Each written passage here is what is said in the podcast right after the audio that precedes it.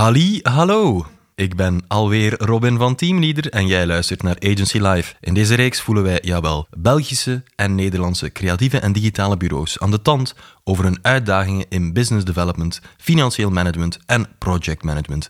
Bij mij zit, ja natuurlijk, wie anders? Louise van Comenco. Dag Louise. Dag Robin, hoe gaat het? Ja, goed en niet goed hè, Louise. Ik heb een beetje een dubbel gevoel, want wij zijn alweer aan de laatste aflevering van dit seizoen gekomen. En dat maakt mij altijd een, een klein beetje droevig. Maar we gaan natuurlijk ook gewoon door met nieuwe gasten en nieuwe debatten. Dus daar kijken we natuurlijk samen naar uit. Ja, ik snap het. Ik mis je ook al. Ik ook, Louise. Ik ook. Maar het is nog niet echt gedaan, hè? Kop op. Nee, uh, we kunnen nog één keer stevig tegenaan met deze laatste episode in dit bijzonder interessante seizoen over project en people management. Wat is jou het meeste bijgebleven tot nu toe, Louise? Goh, ik onthoud eigenlijk vooral dat niemand de echte antwoorden heeft. Ook al zei Werner de vorige keer wel al lachend, ik heb het antwoord. Ik heb het antwoord. Ja, zo zei hij dat exact. Maar eigenlijk zoeken alle agencies gewoon hun eigen weg. Ze doen zomaar wat. Ja, nee, dat bedoel ik nu ook weer niet. Er, er zijn wel slimme manieren om je bedrijf te runnen. Vanzelfsprekend. Processen die je kan volgen, manieren om je team op te Mhm. leiden. En agencies kunnen op dat vlak natuurlijk ook uh, heel veel leren van elkaar. In deze podcast bijvoorbeeld. Bijvoorbeeld. Maar het is ook wel duidelijk dat niemand het echt 100% voor elkaar heeft. Eigenlijk heeft iedereen die wel spraken in Agency Life wel ergens twijfels over, of ervaringen die niet helemaal liepen zoals gepland. En misschien is het net vanuit die twijfel dat sterke bureaus groeien en dat fantastisch werk ontstaat. Nom de Juda was mooi gezegd, Louise. Het is de seizoensfinale, dan, dan doe ik altijd een beetje beter mijn best. Ik zou zeggen, pak die topvorm zeker mee naar ons volgend seizoen. So happy together. Gaan we de laatste aflevering luisteren, Robin? We gaan dat gewoon doen. En uh, die laatste aflevering gaat over motivatie. Thomas Isarin van Unlimited Productions, Werner de Smet van ONA en Petra de Roos van LDV United spreken er honderd uit over. We vroegen hen, hoe word je een agency waar iedereen wil werken en wil blijven werken?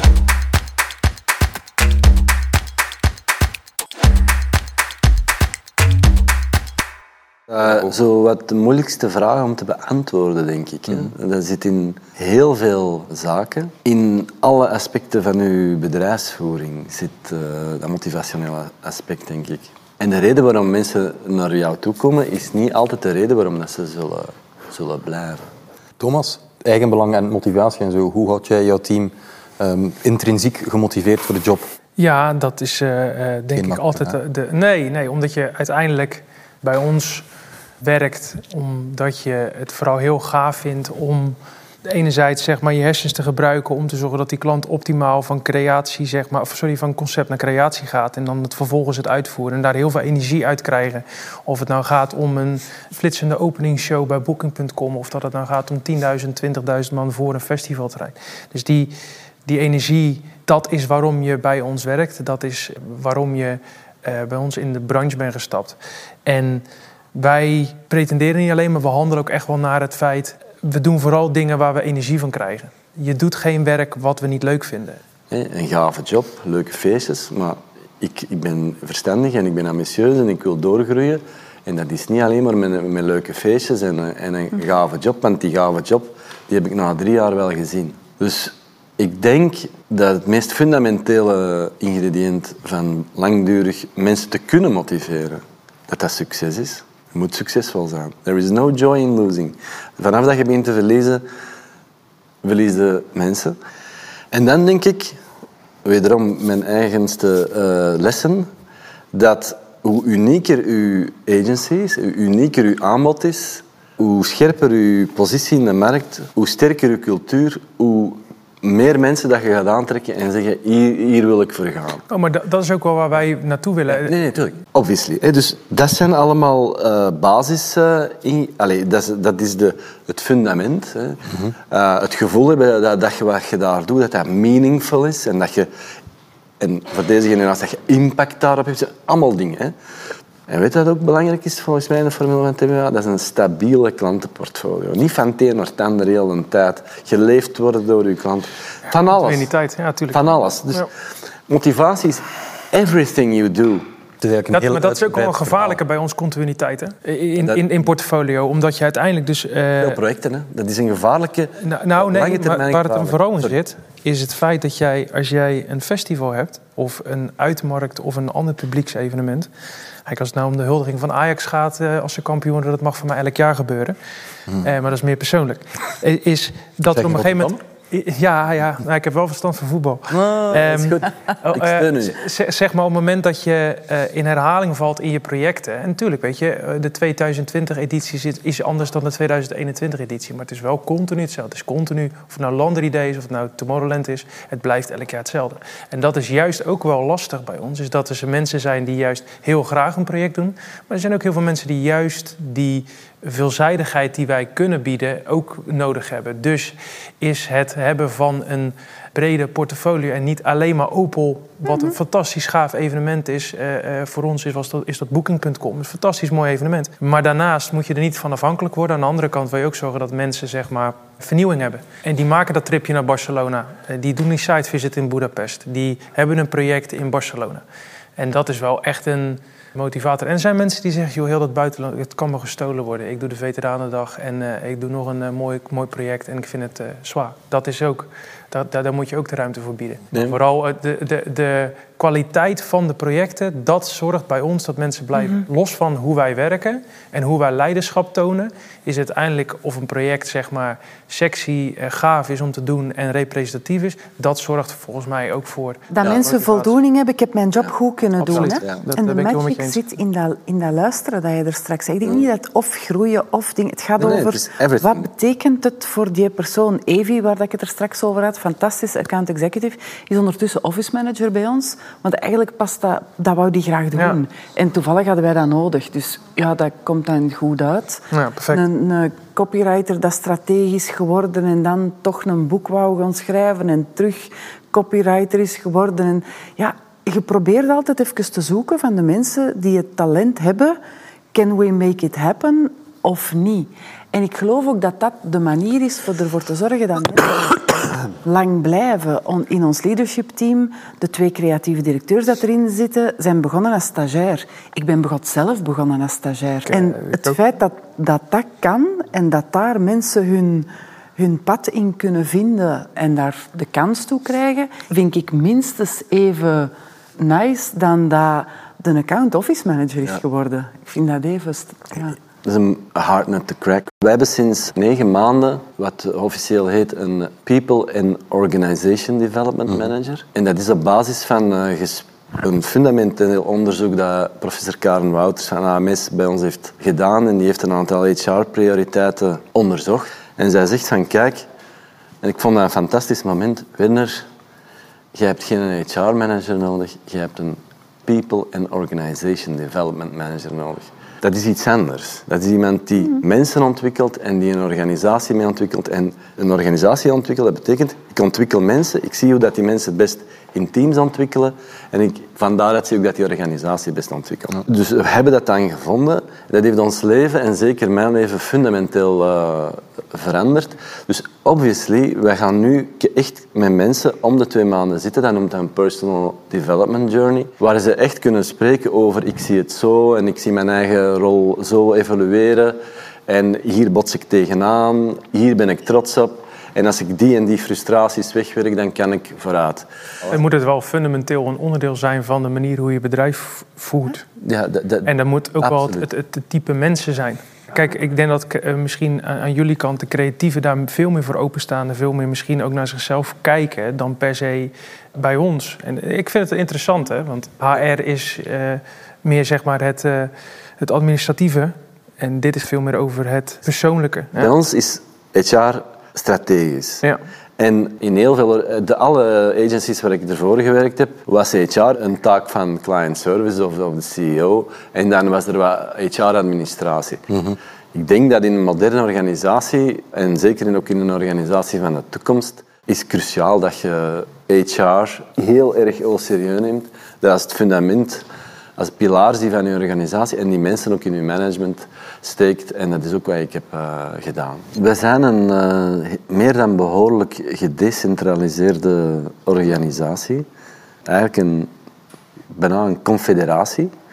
zijn allemaal teams en die teams beslissen waarover ze met elkaar willen praten. Dus ik kan zeker niet alle bureaus afgaan, maar dat doen wel de teamleaders. En de teamleaders, sommige daarvan zitten in het leadership team. En ik, als er mensen in het oranje staan, proberen we ze eruit te halen voor ze in het rood zitten. En dat lukt steeds beter. Het is ook niet zo dat...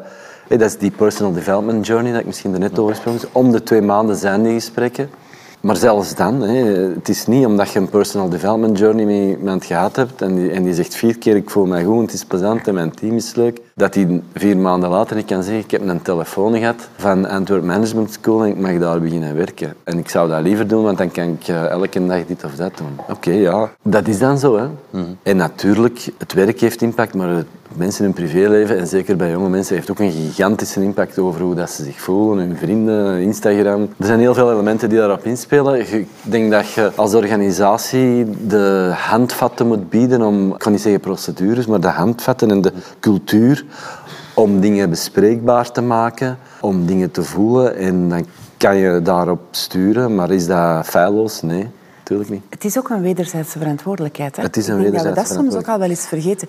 Zeer goed punt. Ik, vind dat, ik ben het type managing by walking around. Wat dat wil zeggen dat als er iemand slechtgezind aan het koffiemachine staat, dan zal ik die aanspreken. Heb ik dat bij iedereen gedaan de afgelopen week? Die, waarvan dat ik dacht, die is goedgezind, slechtgezind of iets ertussen. Nee, absoluut niet. Dat gaat niet. Ga niet. Gelukkig is er een leadership team die dat daar ook alert voor zijn. Wij proberen ook op een beetje een globaler niveau, als het echt gaat over mensen die zich niet goed in hun vel voelen, en zeker op momenten dat je ze wat minder ziet, want dat was echt een probleem hè, het afgelopen jaar. Als je mensen niet ziet, dan heb je veel minder je vinger aan de pols hoe dat daarmee gaat. De wij veerkrachtonderzoek gedaan en stresscrafting workshops en zo. En een mental coach waar dat je een open lijn naar hebt. Is dat de oplossing voor alles? Nee, want er zit, er zit aan onze kant een, je kunt dingen aanreiken en je kunt zeggen, we kunnen u erop aanspreken als je het ziet. Maar je moet ook wel voor een stukje... ehm, ik zeg altijd, je hebt bij ons gigantisch veel vrijheid, maar die zit in een pakketje. En in dat pakketje zit eh, ook verantwoordelijkheid en inschattingsvermogen en dingen. Dus je hebt ook zelf een verantwoordelijkheid. Net als jij er straks zei van, wij proberen die capaciteit te bewaken. Ja, maar wie zijn wij om op een bepaald moment, als die fantastische pitch binnenkomt, tegen iemand te zeggen, uw bakje zit vol, jij mocht dat niet doen. Als die dat nu graag wil doen... Wij, allee, ik, Ja, ik mensen probeer voor mensen te zorgen, maar ik ben uw moeder niet. Ja, mensen moeten zelf aan de alarmbel een stukje ja, Weten te trekken op het moment dat ze in het dood gaan. Nu, Ja. Ik denk dat Petra eh, ook een voorbeeld is van iemand die dat in haar- in haar organisatie ongelooflijk ter harte neemt. En je ziet ook de... Ja, de iedereen heeft daarin zijn verantwoordelijkheid. Ik denk dat je dat heel goed zegt. Wij hebben daar intern ook veel gesprekken over. En wat wij eigenlijk moeten uitleggen aan jonge mensen is dat als het gaat over well-being, job-life fun en of work-life balance, hoe dat je het ook wilt zeggen. Je weet hoe ik dat woord haat. Dat is geen leuk woord. Maar het, het- ehm, dat die verantwoordelijkheid voor 90... Wij moeten die handvatten geven, maar uw eigen grenzen stellen is iets wat je alleen maar zelf kan. En je hebt heel vaak toch het gevoel dat jonge mensen, ik praat over twintigers, denken dat, daar allemaal, iedereen, dat, allee, dat wij daar allemaal voor gaan zorgen. Nu, nu ga je ook Dat is wel bijna een, een onderwerp...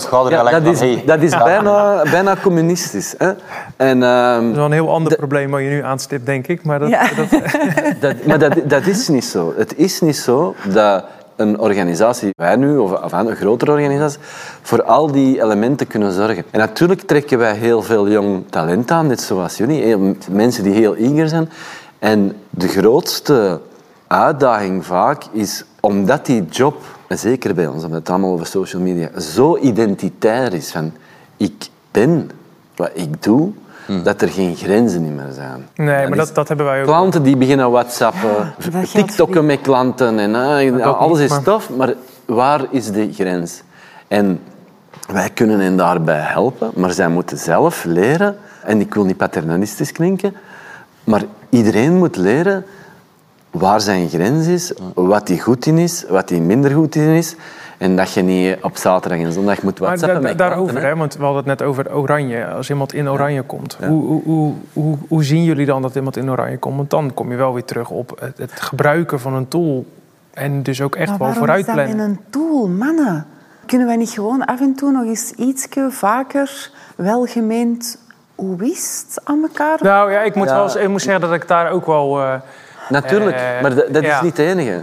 Niet meer. denk In dat balans- 2022. Het sleutelwoord is. Hè. Eh, Ik denk dat je niet bij iedereen in een grote organisatie heel makkelijk alles kunt En peilen. het ligt ook aan je cultuur. Want ik bedoel, bij ons zit er een cultuur in dat je na 12 uur begint je werkdag als je op locatie bent. Dus bij ons heb je ook een bepaalde cultuur. Dat zijn geen mensen die eh, in een app gaan zeggen hoe ze zich voelen. Of mensen die, eh, als je aan de koffie staat, hoe is het met je? Ja, top, eh, gezellig, ik heb gesport en eh, mijn kop eraf gezopen. Nou, meer, heb je, meer hebben ze niet nodig.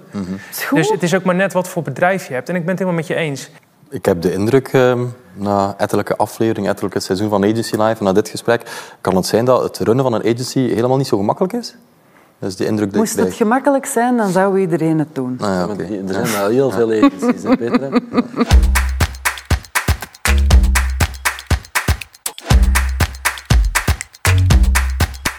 Dat was hem, Louise. Dat was hem. Ja. Of, of toch niet, want eh, It Ain't Over Till It's Over zong de man Lenny Kravitz al.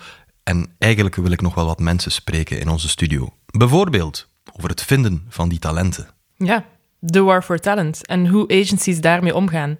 Zullen we daarover eens wat interessant volk bij elkaar halen? Laten we dat doen. Louise, het was zoals steeds een genoegen om jou erbij te hebben. Insgelijks, Robin. En bedankt ook aan jullie, onze eh hondstrouwe luisteraars. En onthoud, vraag af en toe eens welgemeend aan elkaar hoe is het en alles komt goed. Tot ziens, tot hoors, tot binnenkort. Dag Robin, dag luisteraars. Tot snel.